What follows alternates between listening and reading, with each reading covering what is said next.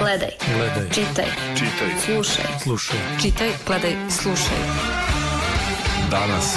Danas podcast. Poslednjih dana širom Evrope drastično raste broj novobolelih od korone. U Evropi je više od 1000 smrtnih slučajeva dnevno, to su informacije Svetske zdravstvene organizacije. Vanetne mere uvode mnoge zemlje, u Londonu više nema sastavljanja sa prijateljima, u Francuskoj takođe od poslednjih nekoliko dana nema velikih okupljanja. U Poljskoj je više od 8000 zaraženih takođe na dnevnom nivou, u Češkoj čak više od 9000, u Hrvatskoj više od 1000. Kod nas je, da kažemo, sedmica počela onako sporo sa 50 novo bolelih, ali već smo u četvrtak imali više od 200 e, samo u jednom danu. E, najnovije da je krizni štab doneo odluku da maske moraju obavezno da se nose i na otvorenom. Zabranjeno je okupljanje više od 30 ljudi, a od sutra arena je ponovo COVID bolnica.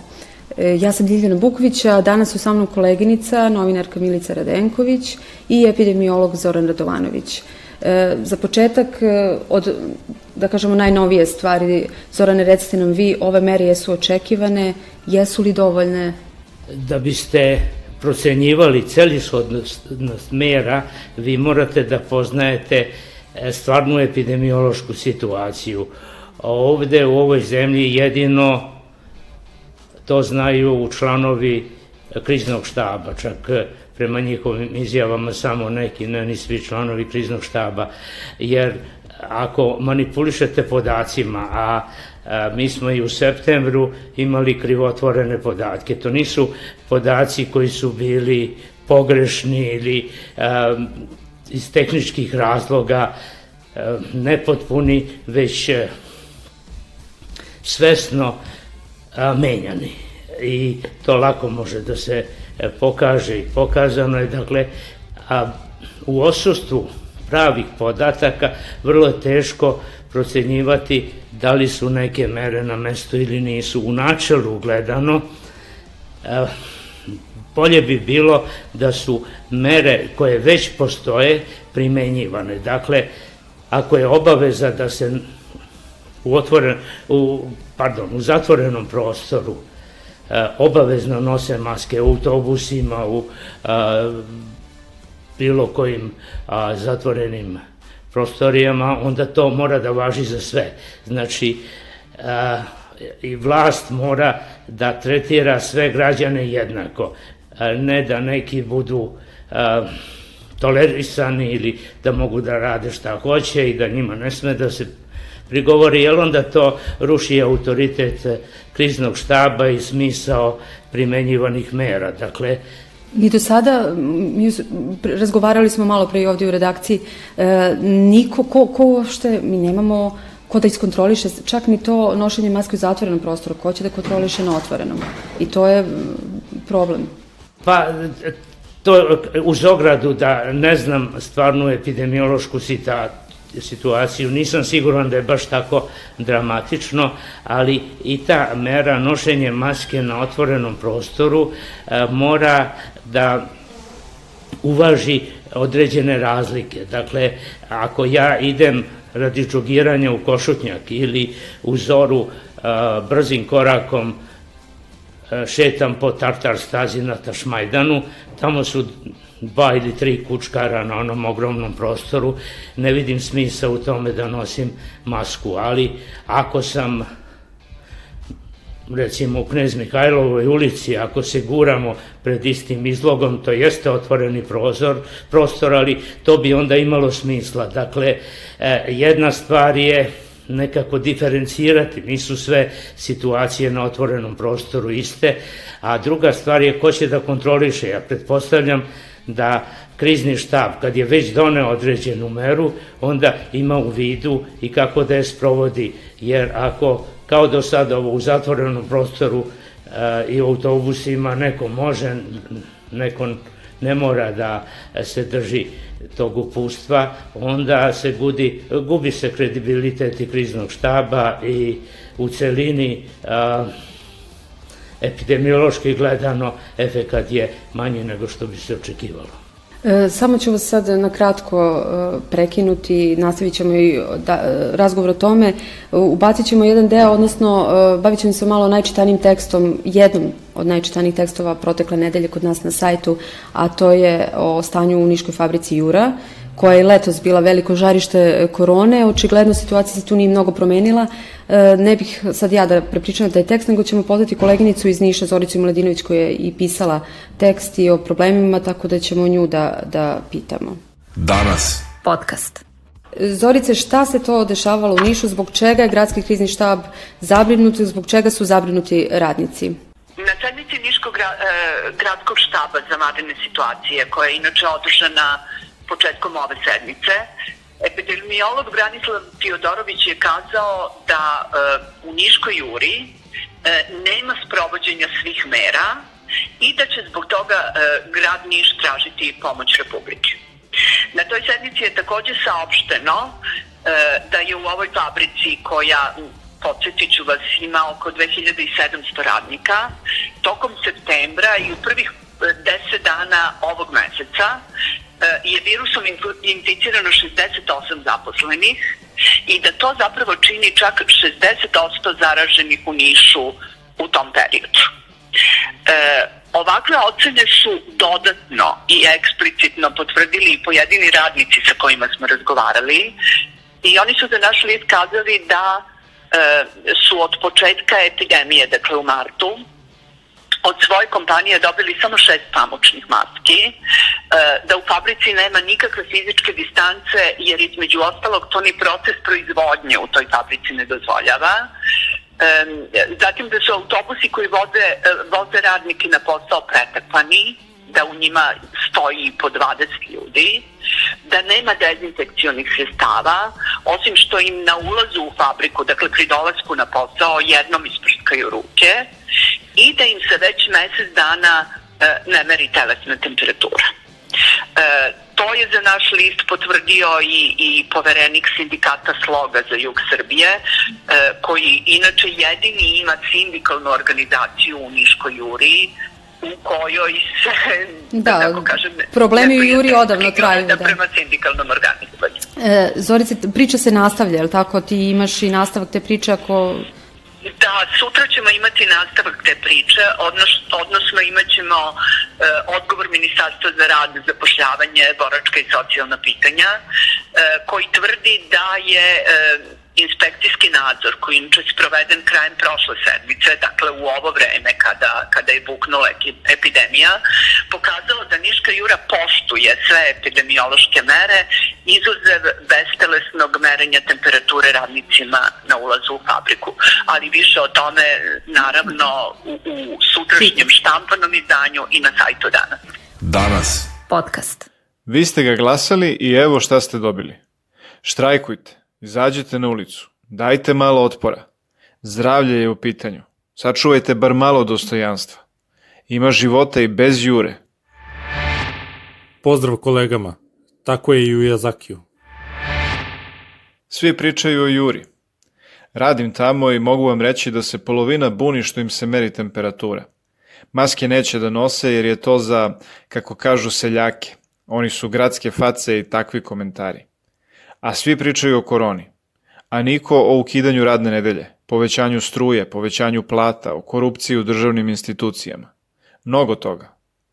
Malo nas zavlačite ovakvim pričama u medijima, a mi naravno nismo baš mnogo bistar narod da bi to shvatili. Ali svakako treba povesti računa. Malo opasniji grip, ništa više. Dobrodošli u brutalni kapitalizam.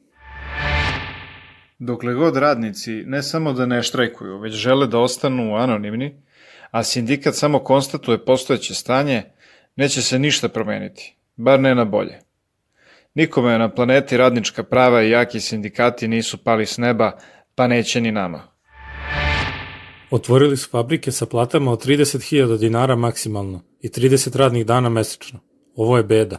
Danas podcast. Čuli smo Zoricu Miladinović i komentare na njen tekst. E, možda pitanje za oboje, e, da li je fabrika, da li su fabrike stvarno velike žarište, da li su, uvek se pominje ugostiteljski objekti, koliko je sad opet se e, povezujemo ovu priču sa ovim nož, obaveznim nošenjem mas, maski na polju, a evo imamo ovakve priče iz, gde u fabrikama ljudi što ne mogu, a velike su fabrike, tako da evo Može Milica da nam kaže. Ovo nije prvi put da se Jura pomenje u ovom kontekstu. Pomenjala se i tamo u aprilu na isti način. Dakle, radnici su se takođe žalili da nemaju osnovna zaštitna sredstva i da ne mogu da naprave tu neophodnu socijalnu distancu, ali dakle Jura nije jedini primer.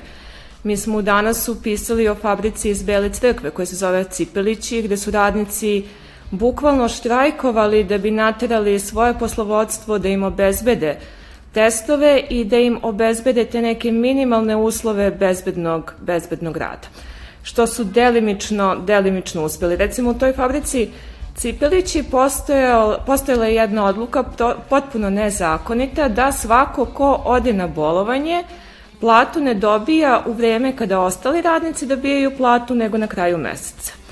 Konkretno to je značilo da ljudi koji imaju kredite sebi to ne mogu da dozvole, pa su dolazili bolesni na posao, pa se pojavila sumnja da se virus i tekako raširio fabrikom i tako dalje i tako dalje. Dakle, pitanje epidemioloških mera je usko povezano sa tim kakve su nama radnička prava i u kakvim uslovima inače kod nas radnici rade i koliko se krše njihova osnovna prava. Dakle, ja ne mogu da odgovorim na to pitanje koliko je fabrika epidemiološki rizično mesto, ali ono što se vidi jeste da dakle, postoje ti neki primeri gde prosto poslovodstvo nije ni ranije poštovalo, a ni sada ne poštuje ono što bi moralo po zakonu i to se naravno odražava na zdravlje radnika.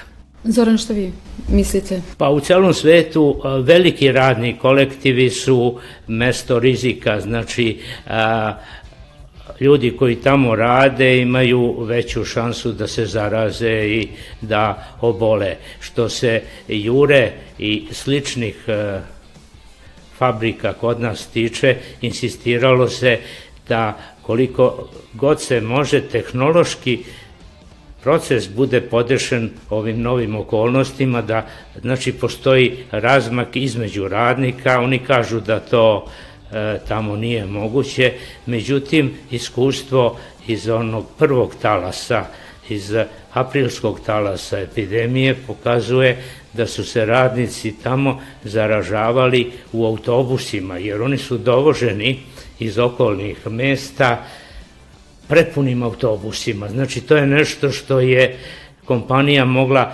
lako da reguliše da obezbedi veći broj autobusa ili e, uz na, naravno nošenje maski ili da ih vozi u dve, tri ture.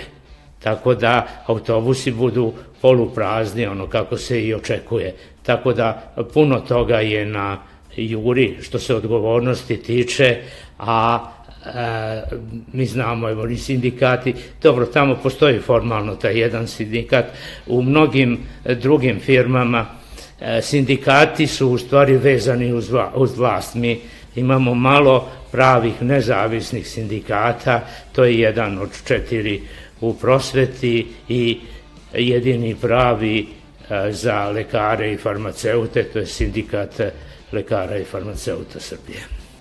Koliko smo tu uh, i mi, ta odgovornost na, na nama samime, da ne znam da li ste vi primetili da, da su se ljudi opustili, evo ja konkretno primjer istražnog centra gde sam, ajde da kažem pola-pola, pola. Ljudi nosi, pola ne nosi, neki nose reda radi. Znači, da li, koliko sad tu mi možemo da doprinesemo? I vidimo situacije sad prilično, ajde, da ne, ne, ne dižemo paniku, ali u okruženju jeste dramatično, kod nas još nije, a, možemo li mi nekako sad svi da doprinesemo da ne dođe do tako nekog goreh scenarija nego što smo imali letos? Ja bih lično volela kad bi umesto manje kritike građana bilo više razumevanja građana. I ako se primeti da manje građana nosi masku, da se postavi pitanje zbog čega manje građana nosi masku. Da li je to zato što su ti građani baš toliko loši i neodgovorni ili je to možda zato što nismo na odgovarajući način iskomunicirali tu poruku da treba da se nosi maska. Dakle, uh, mi vidimo dakle, da članovi kriznog štaba iz dana u dan u medijima pozivaju na ličnu odgovornost građana, kažu moramo se pridržavati mjera, moramo biti oprezni, tako da i oni ponavljaju konstantno tu poruku i stvarno čovek toj poruci ne može ništa da zameri logički gledano. Ali je očigledno da postoje grupe ljudi kod, do kojih ta poruka ne dopire. Konkretno ja ono što vidim u gradskom prevozu jesu tinejdžeri Dobro. Ako to već vidimo, ajde da postavimo pitanje kako mi da se približimo tim tinejdžerima, na koji način mi njima da prenesemo tu poruku da i oni, jel te, ne samo da moraju da nose maske, nego da izbegavaju ta velika okupljanja, da baš ne moraju u kafići i tako dalje i tako dalje. Da li ćemo da kažemo roditelji su samo krivi što ih nisu dobro vaspitali, ili škola kriva, ili ćemo da napravimo neku kampanju koja će biti baš usporeda na njih i baš razgovarati sa njima. Dakle, možda malo više razumevanja, mislim, od strane kriznog štaba vlasti, kogod da, da vodi ovom, ovom epidemijom, dakle, prema samim građanima, možda bi onda mere bile i efektnije i više primenjene. Naravno, da je veliki deo na nama samima, ali nije ceo deo na nama samima. Dobro, eto predloga za krizni štab, kako krenuti tu kampanju ka, ka, ka mlađoj populaciji. A inače, krizni štab, e, čini mi se da kako je krenulo onako u martu, aprilu, svi smo slušali sve, svi smo se kao pridržavali, strah je nekako zavladao, međutim, opustili smo se, niko više krizni štab, očigledno nije problem što si ti Milica rekla samo u nama, nego i u tom kriznom štabu. E, Zorane, postoji udruženi protiv COVID-a, kakva je, da kažemo, vi ste, vi ste deo tog, da kažem, tima, kakva je vaša akcija, da li vaše neke predlozi i sugestije stižu do države, do ministarstva, do kriznog štaba, šta se tu dešava? Pa mi smo se tek okupili i vidjet ćemo kakav će da bude efekat. E, naša osnovna poruka je da se mora biti iskren sa populacijom e, i to je pitanje na kome je pao krizni štab, zato što je od početka maja se podredio jednom političkom cilju da se organizuju i sprovedu izbori, a onda svesno je išao na zataškavanje sve dramatičnije epidemiološke situacije. Zato kada se mi sad hvalimo da bolje stojimo od okolnih zemalja, zaboravljamo da smo imali u drugoj polovini juna, u julu i avgustu najveću i najdramatičniju epidemiju u Evropi, kada je drugi nisu imali i to je takozvana man-made epidemija. Sami smo za nju krivi, sami smo je izazvali i tu je pao i e, krizni štab. E sad, ova grupa, e, to je 3000 lekara iniciralo to je nekoliko ciljeva, ali što se tiče ovoga o čemu govorimo, e, polazi se od toga da krizni štab više nema nikakav kredibilitet, a da je situacija ozbiljna i onda sa svoje strane ti lekari su apelovali na građanstvo da nosi maske, da se pridržava mera, jer evo svakog dana dolazi neizbežno sve više će biti obolelih.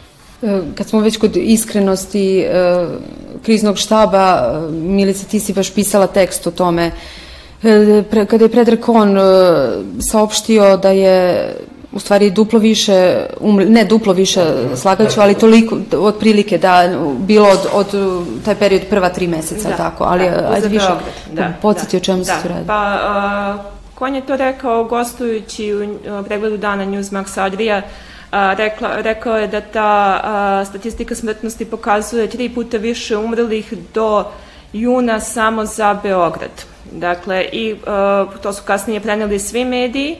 On je rekao da je on tu analizu podataka dobio na osnovu a, prijava i potvrda od smrti koje je prikupljao gradski, gradski zavod. Kasnije, u svojim kasnijim izjavama, a, On je rekao to su otprilike samo procene i to su procene samo za Beograd, nikako ne mogu da važe za celu Srbiju. I te njegove kasnije izjave došle su nakon što, je, što su ministar zdravlja Lončar i predsednik Vučić kazali ne, ne, ne, nije ovde kod nas bilo baš toliko više umrlih, parafrazira. Ono što je definitivno pokazano, a što je pokazao naučni novinar e, Nikola Zdavković u svom tekstu objavljenom na Peščaniku, a oslonivši se na podatke Republičkog zavoda za statistiku, jeste da, dakle, e, u letnjim mesecima ove godine, ako posmatramo, dakle, te letnje mesece i da se to godišnji prosek za te letnje mesece, mi imamo i tekako veliki višak smrtnosti. Znači, negde skoro 2000 više ljudi nam je umrlo u julu nego što je to desetogodišnji prosek za juli mesec. Dakle, i taj veliki broj, taj višak smrtnosti morao je neko da dođe. Dakle, ili je došao odatle što je dosta ljudi umrlo od korone, a nisu ušli u tu zvaničnu statistiku, ili je došao odatle što su ljudi umirali, umirali jer nisu mogli da dođu do lekara. A, kada se u okolnim zemljama, ne u okolnim, pričamo o zapadnoj Evropi, a, kada su se pojavili ti podaci o višku smrtnosti, a svuda su se pojavili, znači nismo mi izolovan slučaj, njihovi stučnjaci e, su izašli i pokušavali da ga, da ga objasne. Dakle, neko se građanima obratio i pokušavao da nađe razlog za taj veći broj umrlih i e, rekao ili je to zato što nismo prijavili sve preminule od COVID-a ili zato što nam je povećana smrtnost od kardiovaskularnih bolesti, ali u svakom slučaju neko se obratio i neko je pokušao da da neko objašnjenje.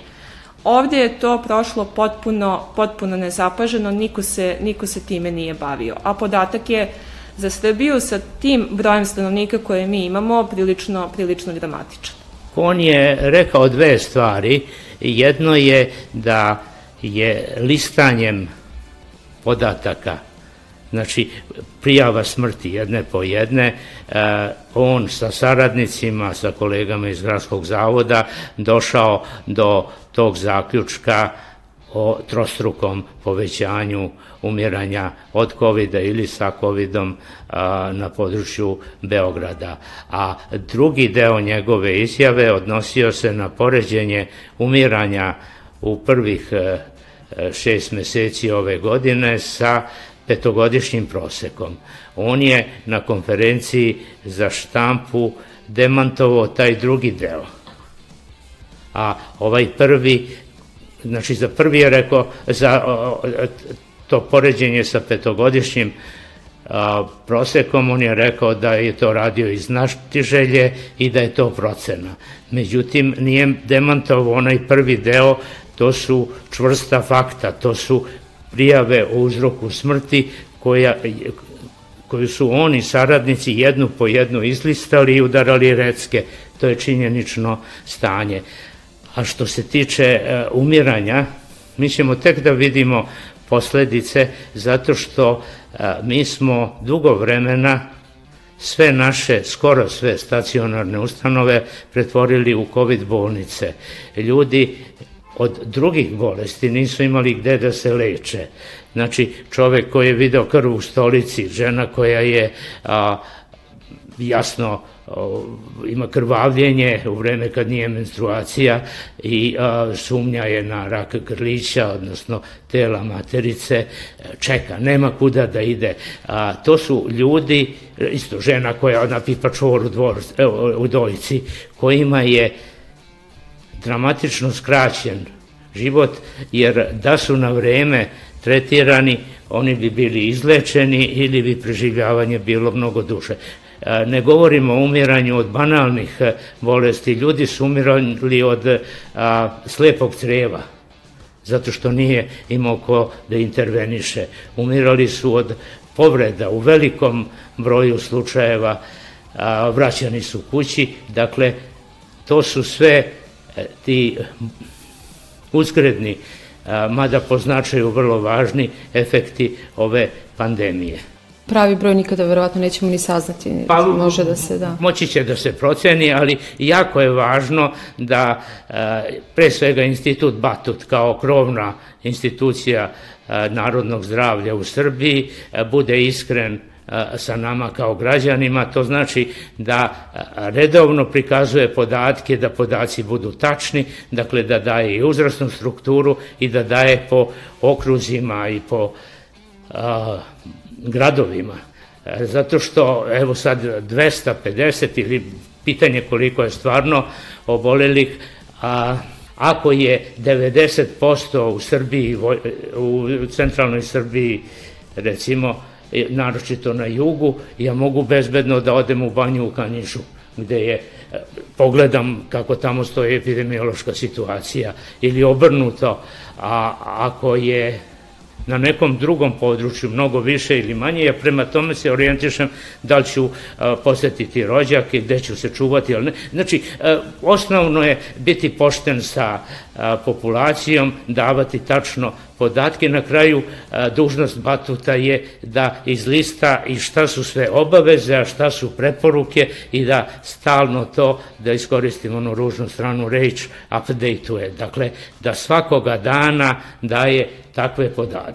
Nema nikakvog razloga da se mi razlikujemo od ostatka sveta, gde god se može, osim afričkih zemalja gde nisu u stanju da vode takvu dokumentaciju, takvi podaci postoje.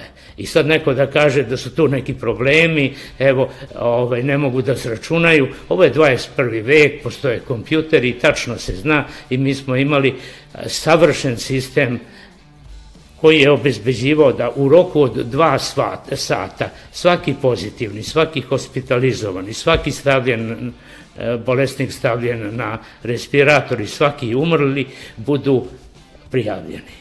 Tako da smo mi imali u realnom vremenu kompletnu situaciju. Kad kažem mi, mislim na one posvećene koji su te podatke gledali, a onda ih frizirali, e, smanjivali za trećinu ili čak mnogo više. Za Niš recimo umir, umrli su svođeni na 20% stvarnog broja, što je skandal. Šta nas, e, šta, šta nas čeka? Da li očekujete, a mislim da to većinu ljudi zanima, potpuno zatvaranje kako smo imali u martu, aprilu, maju, e, ili je to sad nemoguće izvesti s obzirom da ekonomija ne sme više trpija, mislim, ne znam koliko ovaj, naš budžet može, mada Ja ne verujem da ćemo mi imati potpuno zatvaranje uh, iz marta i aprila iz dva razloga. Prvi koji si ti pomenula koliko naša ekonomija može to da izdrži, a drugi je nagomilano nezadovoljstvo građana. To su dve stvari sa kojima vlast mora da računa. A da će da budu rigoroznije mere, pri tome mislim dosta rigoroznije od ovoga mora da se nose maske na otvorenom, ja prosto to očekujem. Uh, ove okolne zemlje, na početku si pomenula, uh, uvode neku vrstu policijskog časa. Meni ne izgleda nemoguće da i mi tako nešto imamo u narodnom periodu. Ja ne znam koliko je to delotvorno, ali meni deluje, deluje realno. Uh, do, ko, do koje mere će ovi uh, brojevi rasti, teško je, ja mislim, da bilo kome da, da to proceni, ali u svakom slučaju najviše na kraju zavisi da kaže od samih mera i načina njihovog sprovođenja. Znači to je ono što svakodnevno ostalo mi slušala. Zorane, e, policijski čas, e, koga, koga sad zatvoriti? Bilo je malo strašno gledati ono zatvorene ljude starije od 65 godina. Pa, to je bilo i kontraproduktivno, zato što formalno mi smo e, spasli tu stariju populaciju, spasli smo je od covid ali smo je gurnuli u obolevanje i umiranje od drugih bolesti. Tako da kad biste to odvagali, a to će biti urađeno, postoje naučne metode kojima možete da a, napravite prilično a, solidne procene, a, vidjet će se koliko je to bila delikatna odluka, ali bila je iznuđena, zato što, eto, mi smo kao lideri na Balkanu, mada smo najčešće na dnu te liste od 12 zemalja i onda nije smelo da se kaže da nemamo ni testova, ničega, zato što smo se ono kliberili, što smo se onako neodgovorno ponašali, jači smo od sudbine, ne može nama COVID ništa, pa je onda vlasti zahvatila panika. Dakle, to je bila iznuđena mera, nismo mogli da otkrivamo obolele, da ih izolujemo, da tragamo za njihovim kontaktima jer nismo imali testove, onda smo čitavu trećinu populacije zatvorili i to na prilično nehuman način da izlaze ko vampiri pre svitanja.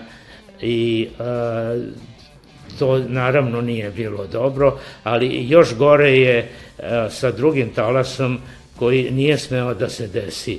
A, dakle e, i okolne zemlje, uzmimo Crnu Goru i Hrvatsku, oni su imali e, minimalan prvi talas, neuporedivo manji od nas, izbegli su taj dramatični drugi talas koji smo mi imali zbog izbora.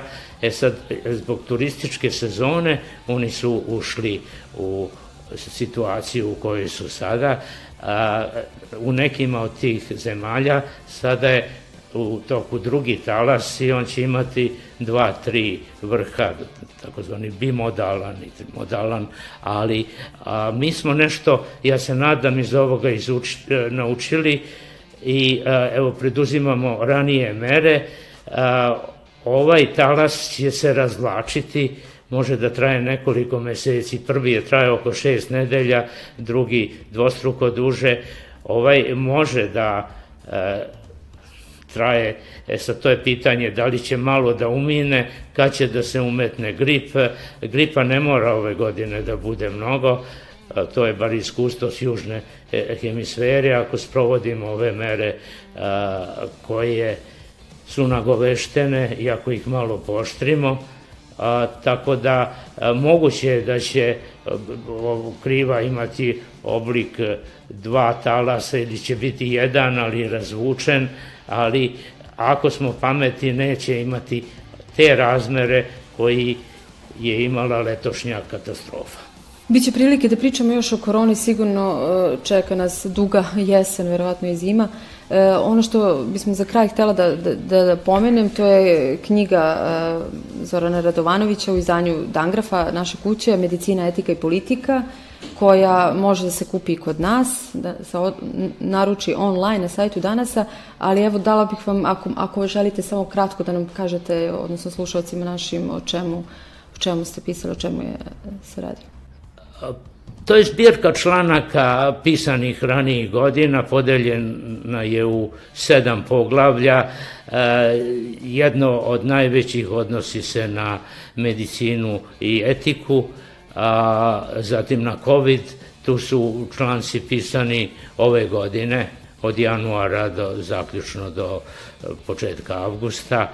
A, zatim ima odeljak veliki o polemikama, o vakcinaciji, o alternativnoj medicini, o kojoj mislim sve najgore, o ekologiji, e, to su manja poglavlja, tako da je eto, grupisano prema oblastima i a, meni se dopalo što je predgovor pisao i predsjednik Srpske akademije nauke i umetnosti Vlada Kostić i ugledni novinar i bard bar danas ovog ili nezavisnog novinarstva Božidar Andrejić uz jednog mladog čoveka, mlad, Marka Oljaču, A, tako da su oni sve o knjizi tamo napisali u predgovorima i podgo, po, pogovorima.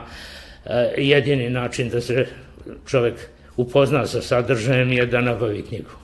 Jeste, evo, knjiga može se nabaviti za 1900 dinara toliko u knjižarama i kod nas, ali kod nas ovog meseca na popustu i može se dobiti za 1140 dinara, kao i sve ostale knjige koje imamo, popust je oktobarski zbog sajma knjiga kojeg neće biti 40%, tako da kad se vratite na sajt, onda možete i se pretplatite naš klub čitalaca. Hvala svima, čitajte nas svaki dan i slušajte nas i naredne nedelje. Gledaj, gledaj, čitaj, čitaj, slušaj, slušaj, čitaj, gledaj, slušaj. Danas. Danas podcast.